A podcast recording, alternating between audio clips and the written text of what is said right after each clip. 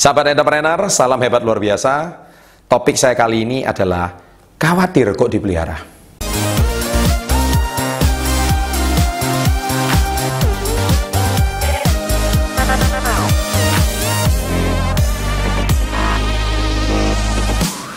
Tahukah Anda, sahabat entrepreneur, khawatir itu melelahkan.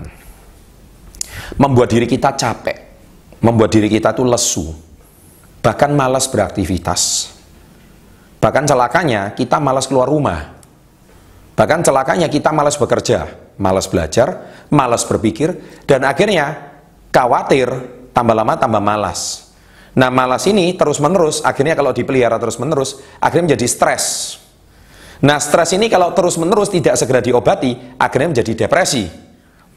Nah, depresi ini kalau terus-menerus dipelihara, akhirnya jadi sakit jiwa.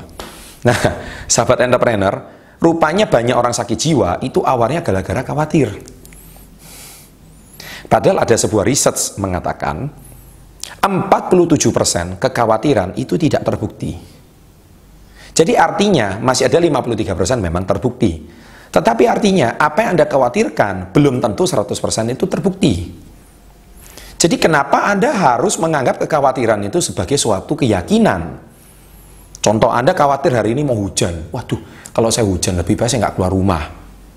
Terus akhirnya, eh cuman gerimis, nggak hujan. Toh nggak terbukti bukan? Wah, saya khawatir nanti kalau saya keluar rumah, eh, jalanan macet. Ternyata jalanan juga lenggang, tidak macet ya wah saya khawatir nanti kalau saya ke rumah konsumen konsumen saya tidak di rumah eh ternyata konsumen anda seharian di rumah jadi sekarang sahabat entrepreneur kenapa khawatir harus dipelihara wah saya khawatir besok kalau saya mengambil jurusan ini saya tidak bisa naik kelas. Ya adik-adik mungkin. Loh saya mau tanya kalau hari ini anda menganggap jadi gini ya setiap hari itu kita ada dua sisi. Takut berani. Ya khawatir yakin. Kemudian malas rajin. Dualisme kehidupan ini tidak bisa kita pisahkan saya mau tanya kenapa anda hari ini tidak mau menggunakan kekuatan yang sebaliknya? Jadi khawatir anda gunakan dengan tidak usah khawatir yakin. Ya. Toh hari ini kemungkinannya juga 50-50 kenapa hari ini anda lebih dominan pada rasa khawatirnya? Dan akhirnya rasa khawatir ini tidak terbukti.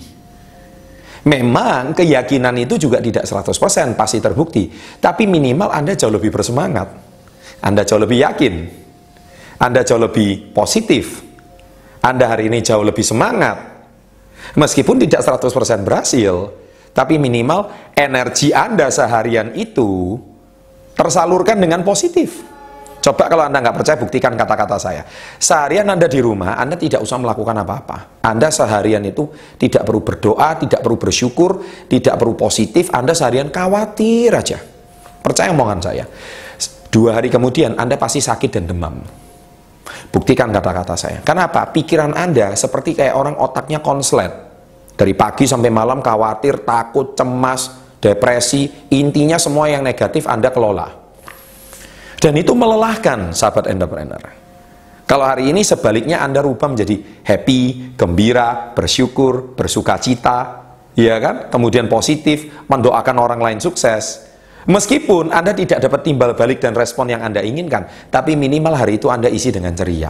Anda yang khawatir nonton channel ini pun, ayo coba ikuti kata-kata saya. Mulai sekarang coba tarik ini, mulut Anda, tarik ke atas. Nah, gitu dong, senyum.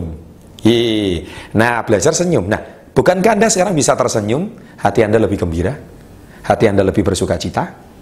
Nah, ini saya sahabat entrepreneur, kekhawatiran tidak selalu benar dan tidak selalu terbukti. Mengapa Anda tidak mengubah menjadi sebuah keyakinan? Sukses untuk Anda, salam hebat luar biasa. Sahabat entrepreneur, kita diciptakan oleh Tuhan itu sudah sempurna. Tuhan menciptakan kita lengkap ya sebagai manusia yang lengkap dengan lima panjang